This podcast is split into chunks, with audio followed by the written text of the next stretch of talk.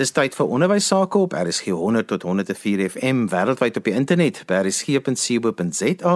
Jy kan ook na ons luister op die DSTV se audiokanaal 813. Die program is ons in die onderwys saam met my Johan van Lille.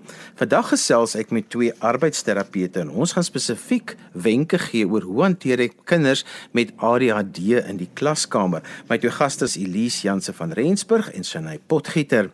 Elise, kom ons begin sommer by jou. ADHD in die klaskamer kamer is nou iets wat onderwysers van bewus is van dis baie keer vroeterige kinders. Ons praat nie nou van die dromers nie maar hulle is bewus van die kinders maar dit bly maar 'n uitdaging om sulke kinders in die klas te akkommodeer want 'n mens wil graag maar dit bly 'n uitdaging Verseker Johan, dit is definitief 'n um, dink ek 'n groot uitdaging vir onderwysers wat elke dag met 'n hele klomp gesiggies voor hulle sit en elkeen van daai kinders het unieke behoeftes en um unieke gedrag wat in die klas bestuur moet word. En wanneer ons met 'n ouetjie voor ons sit wat met ADHD gediagnoseer is, dan sien ons baie keer gedrag wat ons um as baie negatief kan beleef in 'n klaskamer opset. Ons sien dat hulle is vroetelrig of hulle is besig of hulle gee nie aandag nie of hulle luister nie mooi nie. En um ek dink daardie gedrag is um gedrag wat baie keer vir 'n onderwyser dit moeilik maak om van dag tot dag um dit te kan bestuur en die klaskamer op 'n konstruktiewe manier te kan hanteer. Een van die boodskappe wat ons graag vandag oor wil gesels is dat die manier waarop ons na hierdie kindertjies kyk, um ook 'n manier is wat ons eie perspektief op hierdie gedrag kan beïnvloed en ook op die einde van die dag um kan beïnvloed hoe ons hierdie kinders hanteer en bestuur in 'n klaskamer situasie. En daarom daag ek graag um onderwysers en ook ouers uit om partykeer 'n bietjie 'n ander perspektief te probeer neem op hierdie gedrag wat ons sien as ons hierdie ouetjie sien wat voor ons sit en hy ons beleef hom as as regtig net baie besig en amper hiperaktief. Miskien kan ons daardie lens verander om te sê maar is hierdie ouetjie nie net energiek nie, né? En as ons die ouetjie sien wat baie afleibaar is, is dit nie 'n baie nuuskierige ouetjie wat voor my sit nie. En as ons partykeer hierdie ander lens opsit, help dit ook vir ons om nie die gedrag wat ons in 'n klaskamer opset partykeer as ontwrigting kan beleef om daardie gedrag miskien bietjie anders te interpreteer en dalk as gevolg daarvan dit ook anders en op 'n positiewe manier te hanteer. Ja, Johan, ek ek sien heeltemal saam met dit wat Elise sê. Ek dink dit is so uiters belangrik dat onderwysers moet fokus op die positiewe van elke kind. Ek dink daar is dit is uitdagend, soos wat Elise ook gesê het, dis klomp gesiggies wat voor jou sit Dit is 'n groot klaskamer en dit is moeilik om aan elkeen se behoeftes te kan voorsien en om seker te maak dat ons daai kind die beste leergeleentheid gee. Maar vir dit is dit baie belangrik dat ons op die kind se positiewe eienskappe ook fokus en dan kyk wat kan ons doen om hulle in die klaskamer goed genoeg te kan akkommodeer. Ek dink ek kan ook verder byvoeg Shanay dat um, daar is 'n uh, baie bekende aanhaling van 'n dokter um, Ross Green wat sê dat kinders doen goed wanneer hulle kan. En wanneer hulle nie kan nie, is dit ons werk as volwassenes om uit te pleis wat is dit wat in hulle pad staan sodat ons hulle kan help. En um baie keer dan wanneer ons vir 'n lyfie kyk wat wat swaar kry en wat nie um optimaal kan funksioneer in die klaskamer opset nie, help hierdie gedagte ons om um te sê dat wanneer 'n kind sukkel, is dit waarskynlik omdat hy nie kan nie. Iets staan in sy pad en as ons kan uitpleis wat dit is wat in sy pad staan, dan kan ons um iets daaraan doen en vir hom vaardighede of strukture of akkommodasies in plek sit om vir hom te help om beter binne in die klaskamer opset te funksioneer. Want Elise is juis hierdie strukture en vaardighede en akkommodasies wat my so fascineer want alle kinders kan eintlik baat vind daarbey, maar dan word 'n klaskamer ook 'n tuiste vir 'n kind wat juis met ADHD eintlik dan die omgewing moet absorbeer en in daardie omgewing moet funksioneer. Johannes slaan die spyker heeltemal op die kop. Ek dink baie van die strategieë wat ons graag vandag oor wil gesels is verseker strategieë waarby elke kind kan baat en wat 'n ruimte skep waarbinne 'n kind eerstens kan veilig voel, waar 'n kind kan voel dat ek word waardeer en ek word raak gesien vir my unieke stel talente en behoeftes en dat daar ruimte vir my is om myself te kan uitdruk op 'n manier waarop ek in staat is om dit te doen. En wanneer ons daardie ingesteldheid in 'n klaskamer het, dan sukkel ons gewoonlik baie minder met gedrag en met goed wat tipies um uitdagings in 'n klaskamer opset veroorsaak. Ja, ek stem saam met ek stem saam met wat Elise nou sê. Dit is dit is uitsonderlik belangrik dat wanneer ons hierdie akkommodasie maak vir die kinders, dat dit eintlik indirek of eintlik dalk meer direk ook 'n invloed het op die onderwyser se werk en dit maak dit op die ouende vir die onderwyser ook makliker om so 'n kind te kan te kan beheer in die klas en die kind funksioneer beter. En so ook dan nou die res van die van die kinders wat jy gesê het Hulle voel eintlik almal ingesluit en ek dink dit is belangrik omdat 'n kind die meeste van die dag spandeer hy in die klaskamer. So dit is belangrik dat wanneer hulle dan nou in die klaskamer vir 6 of 7 ure 'n dag moet spandeer, dan is dit belangrik dat hulle dat hulle veilig moet voel en dat hulle optimaal kan leer. Elise, kom ons spring weg met 'n lekker klomp wenke want dit is hoekom ons luisteraars juis vandag luister. Hulle wil wenke hê dink voordat ons wegspring met van die wenke is dit dalk net belangrik om ook by te voeg dat soveel soos wat ons sopas genoem het dat al die kinders by baie van hierdie strategieë kan baat daar ook ongelukkig nie 'n uh, een grootte pas almal tipe oplossing is vir hierdie um, hierdie goed nie. En dat baie van die um, wenke wat ons gaan voorstel dalk iets is wat um, uh, ou gaan moet uitprobeer en gaan moet kyk of werk dit vir hierdie spesifieke kind. Elke elke kind het sy eie samestelling van van um, sterktes en uitdagings en terwyl een strategie vir een kind wonderlik kan werk, is dit baie waarskynlik dat dit vir 'n volgende kind glad nie sal werk nie. En um weet ek dink dit is amper net so 'n bietjie die vrywaring wat ons gee rondom die um die wenke wat ons graag wil aanbied. Um sodat ons weet dat 'n groot deel hiervan maar partymal 'n probering tref um oefening is, maar as ons genoeg planne in ons sak het en ons planne raak nie op nie, dan um sal ons iets kan tref wat vir 'n ouetjie um kan help. Ek dink voordat ons met die met die spesifieke strategieë begin, wil ek net 'n kortlikse raamwerk skep vir ons oor hierdie dink. En um ek dink ons het nou redelik baie gesels amper oor die atmosfeer in die klaskamer en die verhouding en die verhouding tussen die kind en die juffrou um op die die onderwyser en hoe ons na daai um, verhouding en omgewing kan kyk. En die tweede deel van hierdie pakkie waaroor ons graag so 'n bietjie wil gesels, gaan rondom regulasie, selfregulasie om my gedrag en my emosies en my lyfie te kan reguleer deur verloop van 'n dag.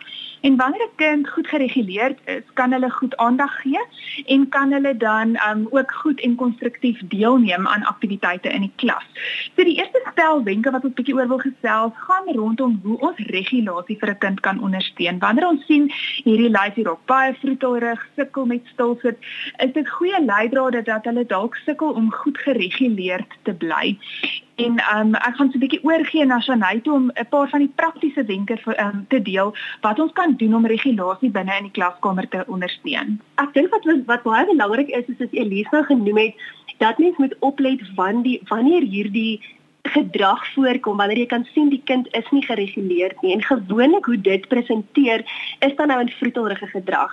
So wanneer jy dit sien is dit dan van uitsonderlike belang dat mens daai lyfie dan geleentheid gee om te kan beweeg. So dit is nie altyd effektief as mens dan vir hulle probeer sê om juist dan stil te sit nie. Dit werk nie. En ek dink dan moet ons vir hulle die geleentheid gee om dan wel te kan beweeg. So wat mens kan doen onder andere die onderwyser en die kind kan 'n tipe van 'n van 'n spesiale kode hê waar as die kind begin vroetelrig raak en hulle kan agterkom in hulle lyfies, hulle kan nie nou stil sit nie, dat hulle 'n tipe van 'n teken vir die juffrou kan gee om vir haar te wys dat hulle eintlik nou 'n beweegbreek nodig het.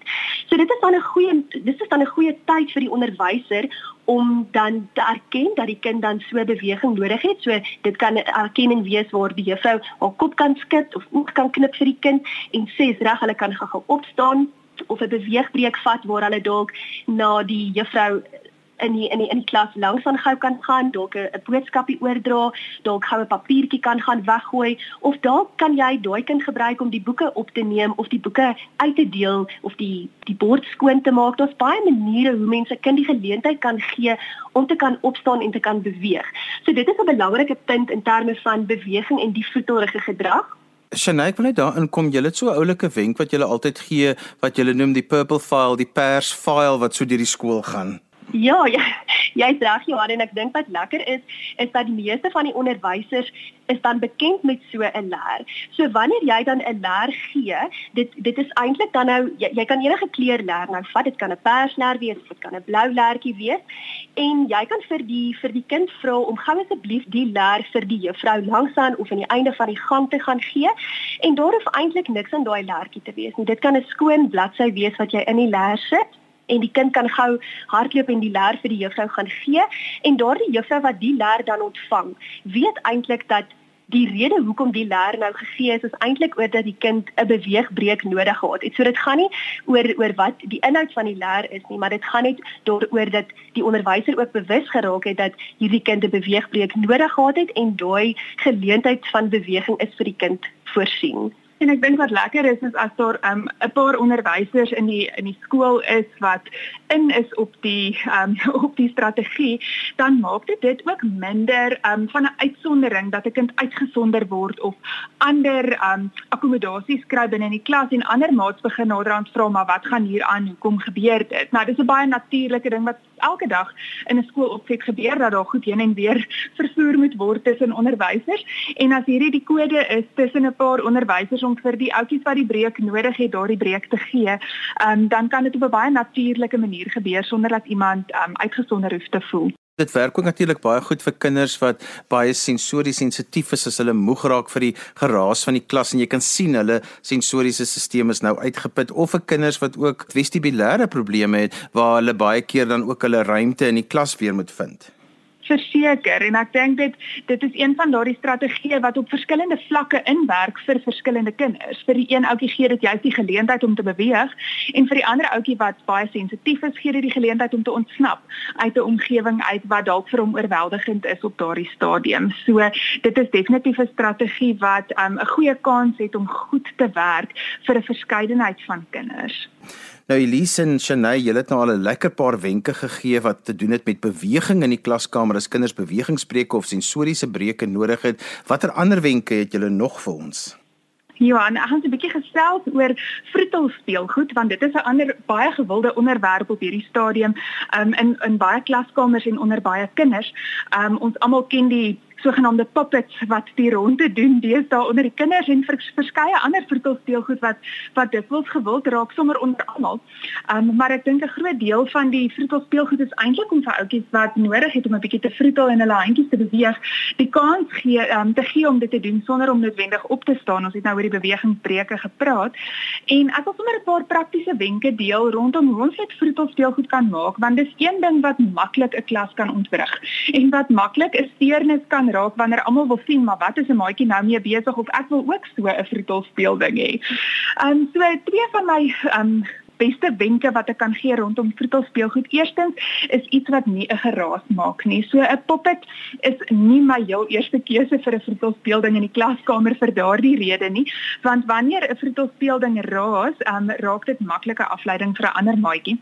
En die tweede wenk is as dit 'n speel 'n vroetelspeelding is wat aan die tafel vasgemaak op kan word op 'n manier, help dit regtig om die um ontwrigting daarvan minder te maak. Um, ek dink elke onderwyser wat al vroetel speelgoed in hulle klas gehad het, sal weet dit beland elke kort kort in, in op die vloer en dan is hierdie seentjie af om dit op te tel en daardie dogtertjie klaar want die seentjie staan heeltyd op en af en die volgende dogtertjie het haar vroetelspeelding laat val en so gaan dit. En so as dit 'n vroetelspeelding is wat aan die tafel vasgemaak is, um, sodat hy nie die hele tyd kan rondval nie, maar beskikbaar is wanneer die kind dit nodig het, help dit regtig nogal um, om dit minder van 'n ontwrigting te maak en daar is tog kinders wat regtig baat daarbey om ietsie te hê om mee te vertel veral wanneer hulle byvoorbeeld net stil sit en luister terwyl juffrou iets nuuts verduidelik en um nie aktief besig is met um 'n werkie nie.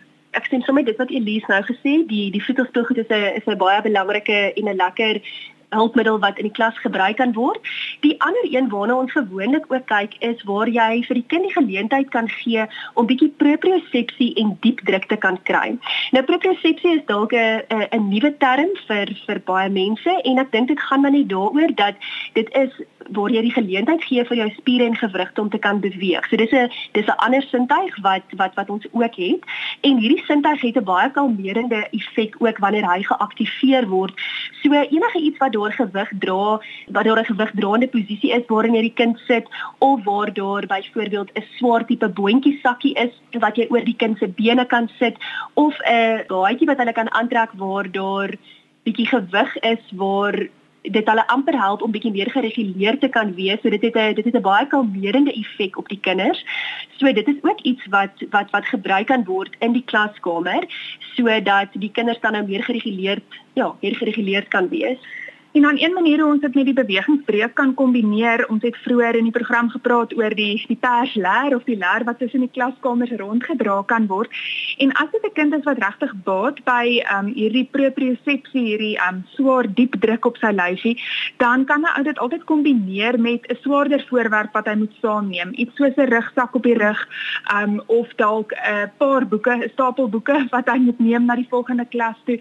Maar daardie tipe aktiwiteite is geneig om ook 'n kalmerende invloed um, op ons kinders te hê.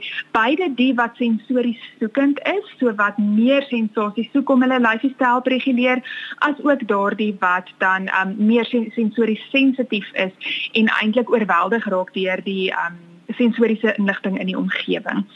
'n Laaste kategorie wat ek graag vinnig aan wil raak, is dat ons ook net ons um reuk en smaak sintuie eintlik nogal 'n groot um positiewe effek op 'n kind se regulasie um, kan hê en dat iets so eenvoudig soos om 'n waterbottel in die klas te mag hou vir baie kinders baie voordelig is. Ek weet met ons COVID-19 regulasies is daar baie reëls rondom maskers dra en dit is nie altyd um, so maklik om um, iets wat eetbaar of drinkbaar is in die klas te hou nie maar 'n lekker bottel koue water veral in ons warm somers, ons kry baie warm hier in Bloemfontein, um, is iets wat regtig 'n positiewe effek kan hê op 'n kind se aandag en ook op hulle vermoë om gereguleerd te bly in die klas. Um so as dit enigstens prakties moontlik is om wel dit te kan toelaat in 'n klaskamer situasie, um kan dit regtig baie help. Ons het ook um partykeer 'n uh, dingetjie waaraan die kind kan kou wat ons voorstel vir van die kindertjies wat ons sien wat agter op die potlood vaskom. Ek dink elke onderwyser het al opgekoude potlode beleef en gesien. En gelukkig hoef ons nie die potlood op te kou nie. Daar is um, spesiale beelgoed beskikbaar wat van um, uh, voedselgraad silikoon gemaak word wat agter op die potlood kom wat die kind aan kan kou sodat die potlood nie daarmee heen is nie. En um, dit daardie sensasie van byt of kou is ook iets wat vir baie kinders positiewe effek op hulle regulasie het. Ek sien sommer jy lees en ek ek dink die een ding wat wat mense dan nou nog kan by byvoeg by stimulasie vir in die mond is wanneer jy byvoorbeeld kaugom kou en ek weet in baie in baie klaskamers word dit nie toegelaat nie. En ek dink kaugom kou is ook iets wat vir party party kinders kan werk. Ek ek het nou die dag met 'n mamma gepraat wat wat gesê dat deesdae met die masker sien juffrou nie as die kougom gekou word nie, so dis dalk een positiewe van dra 'n masker in die klaskamer dat mens dit ook sal doen, maar ek mens mens moet ook verstaan dat van hierdie strategieë nie altyd aanvaarbaar noodwendig sou kan wees nie, maar 'n kougom kou is ook 'n moontlike opsie. Shanine, kan dalk by jou aansluit amper net so in afsluiting vir ons sensoriese regulasiestrategie om te sê daar's drie vrae wat ek dikwels voorstel, ehm um, wat ons vir onsself kan afvra wanneer ons met hierdie strategie werk. Die eerste vraag is is dit effektief vir hierdie spesifieke kind? Ehm um, want nie alles is effektief nie. Met ander woorde, maak dit hierdie kind se vlak van regulasie beter of disreguleer dit hom? Maak dit sy gedrag en sy regulasie vlak swakker? Die tweede vraag is is dit iets wat um aanvaarbaar is binne die omgewing. Nee, en dis wat jy nou aangeraak het rondom iets soos kougom kou, daar is dalk skoolreëls rondom dit wat maak dat daardie spesifieke strategie nie aanvaarbaar is nie. So die aanvaarbaarheid van 'n strategie binne 'n spesifieke omgewing is 'n belangrike oorweging en die laaste een gaan rondom of dit 'n aanpasbare tipe strategie is vir daardie omgewing. So is dit iets wat dalk ander gaan steur al is dit effektief vir daardie spesifieke kind en hoe kan ons dit um, te werk gaan. So ek dink as 'n mens daardie drie vrae vir jouself afvra rondom die strategieë wat jy graag um, wil implementeer of probeer met 'n kind, dan help dit ons nogal om nader aan die strategieë te kom wat vir daardie kind um, 'n um, positiewe verskil kan maak. Wat maak ons met ons dromer kinders wat ook op die ADHD spektrum is? Want dis die moeiliker kinders eintlik om te ondersteun in die klas want hulle is doodstil, maar hulle het ook maar dieselfde uitdagings seker en ek dink soos jy reg sê dit is kinders wat amper onder die radar beweeg en eers wanneer die werkie afgehandel is in die klas en daar um, en jy kan sien maar hulle werkie is nie afgehandel nie dan besef jy dat hier was 'n uitdaging vir daardie kind gewees. Hierdie kindertjies is kinders wat gewoonlik 'n bietjie meer aktiverende tipe sensoriese stimulasie nodig het om hulle te help om beter te kan reguleer. En vir daardie kinders is dit partykeer ook behulpsaam om van die strategieë te probeer wat ons reeds oor gesels het net vir 'n ander rede. En hulle kan partykeer ook baat vind by iets soos om op 'n dinamiese oppervlak te sit. Um mense kry ek ek het so 'n oulike woord gehoor by 'n juffrou, sy noem dit 'n wikkelkussing. Um so jy kry um sitkussentjies wat van dieselfde tipe materiaal gemaak word as wat ons gimnasiumballe van gemaak word, um wat 'n wigkussentjie kan wees of 'n ronde kussentjie kan wees wat 'n bietjie subtiele beweging gee soos wat die dag aangaan om net die sensoriese stelsels aan die gang te hou en geaktiveer te hou deur die dag. Dit is een van die strategieë wat altyd so ook 'n vrywaringkie by het om seker te maak dit pas by die kind se sensoriese profiel want dit kan ook oorstimulerend raak, maar dit is iets wat wat kan help vir die ouetjie wat meer 'n dromerige tipe um temperament het en nie so lekker gefokus kan bly nie. 'n Paar van die ander strategieë wat ons oor kan praat as ons amper so 'n bietjie verby regulasie gaan, maar hoe ons dan hulle deelname kan beïnvloed in die klas. Um en dan nou veral met 'n fokus op ons oudjies wat 'n bietjie meer dromerig is, is om te dink maar hoe kan ek die kind se belangstelling in dit waarmee hy besig is aanwakker? En um kinders het unieke belangstellings so dit gaan ook 'n unieke um oplossing vir elke kind wees. Maar as ons vir 'n kind die belang van 'n taak kan verduidelik hoekom is hierdie belangrik hoekom moet ek omgee hieroor? En dit vir hom baie spesifiek en toepaslik op sy situasie kan maak kan dit hulle belangstelling in die taak verhoog en op dieselfde tyd dan hulle aandag wat hulle aan die taak kan gee. Um as ons dit kan koppel aan hulle belangstellings, is dit 'n ander manier om dit vir hulle interessant te maak. As jy weet hierdie dogtertjie stel vreeslik belang in ballet, dan kan ons dalk balletskoenprentjies vir gee om te tel in plaas van om net gewone tellertjies te tel as 'n eenvoudige voorbeeld. Die ander ding wat veral vir ons oudjies wat wat stil en sukkel met aandag gee en onder die radar beweeg belangrik is, is om variasie in take um te bring dat dit nie te vinnig eentonig raak nie, want eentonigheid in take is iets wat vir hulle um baie vinnig hulle aandag kan laat dwaal. Ek dink van hierdie strategieë is partykeer makliker in die grondslagfase waar dit een onderwyser is wat die hele dag beplan, want jy beheer oor watse variasie jy kan inbou in jou dag waar dit dalk meer uitdagend kan raak in die intermediêre en senior fases. Maar um ek dink dit is iets wat as ons variasie kan inbou nou is dit 'n werkie wat ons by die tafel doen. Nou gaan ons dalk buite um 'n paar aktiwiteite doen vir ons lewensoriëntering, dan kom ons terug en ons 'n ander tipe aktiwiteit. Variasie kan baie help en dan ook dat ons vir hulle realistiese verwagtinge sal stel in terme van konsentrasie. Ons moet in gedagte hou dat 'n grondslagfase kind se konsentrasie se duur regtig maar eintlik net hier rondom 15 minute is op 'n spesifieke taak waarna die meeste kinders se aandag op 'n stadium gaan dwaal. Ja, daar gaan kinders in die klaskamer wees wat 'n langer duur van konsentrasie het, maar as ons aktiwiteite so kan beplan dat dit pas by wat die kind se duur van konsentrasie is, dan kan dit ook baie help om hulle um, belangstelling te hou en hulle aandag dan by die taak te hou. Ek wil aansluit by Elise en ook sê dat daar ander strategieë ook is om nou nie net die dromertjies nie, maar kom ons fokus nou spesifiek op die dromers ook kan help is waar jy eenvoudig oogkontak met hulle maak wanneer jy uh, instruksie vir hulle gee. Dat jy as jy verby hulle verby hulle loop, dat jy aan hulle raak, dat hulle kan agterkom dat, dat dat jy hulle aandag wel het.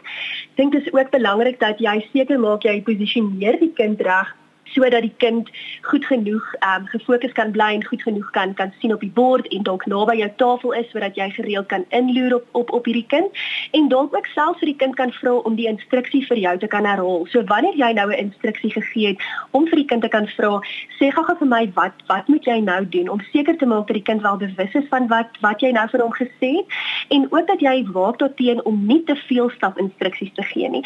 Want as jy 'n instruksie gee soos byvoorbeeld haal uit jou wiskunde boek, blaai na bladsy 15 en doen die eerste 3 somme. Die dromertjie het dalk by die eerste eerste instruksie al verlore geraak en het afgedwaal met wat in sy gedagtes nou aangaan. So dan is dit baie moeilik vir hom om dan wel daardie instruksie uit te voer. So dit is belangrik dat mens ook kyk dat mens korter stap instruksies gee sodat die kind heeltemal bewus is wat van hom verwag word en soos ek sê gereeld gaan inloer om seker te maak dat die kind wel die instruksie gevolg het en gehoor het wat jy gesê het. Ons het daarmee gekom aan die einde van vandag se program. Elise, hoe kan mense met julle verder gesels en kontak maak as hulle graag met 'n verder gedagtes wil uitruil? Vertel ook sommer vir ons van julle praktyk. Johan, baie dankie vir die geleentheid. Ons praktyk is geleë in Bloemfontein. Um, ek en Shanay en nog twee ander terapeute is saam in praktyk. Ons praktyk fokus op um, kinderontwikkeling en sensoriese integrasie en as die mense meer wil uitvind daaroor, kan hulle ons Facebook-blad besoek. Ons praktyk se naam is Sensory Roots Occupational Therapy. Um, en ons het ook 'n webtuiste wat binnekort um, aan die gang sal wees en um, hulle kan ook 'n oog uithou daarvoor. Dit is sensoryrootsot.com co.za. Hulle is ook baie welkom om ons 'n e-pos te stuur by info@sensoryrootsot.co.za. Baie dankie. En so gesels my twee arbeidsterapeute wat my gaste is vandag, Elise Janse van Rensburg en ook Shanay Potgieter. Ons het gesels oor wenke vir onderwysers om kinders met ADHD in die klaskamer te ondersteun. As jy weer na vandag se program beluister as 'n potgooi, laai dit af by resgep.co.za. Dan groet ek dan vir vandag tot volgende week van my Johan van Lille. Totsiens.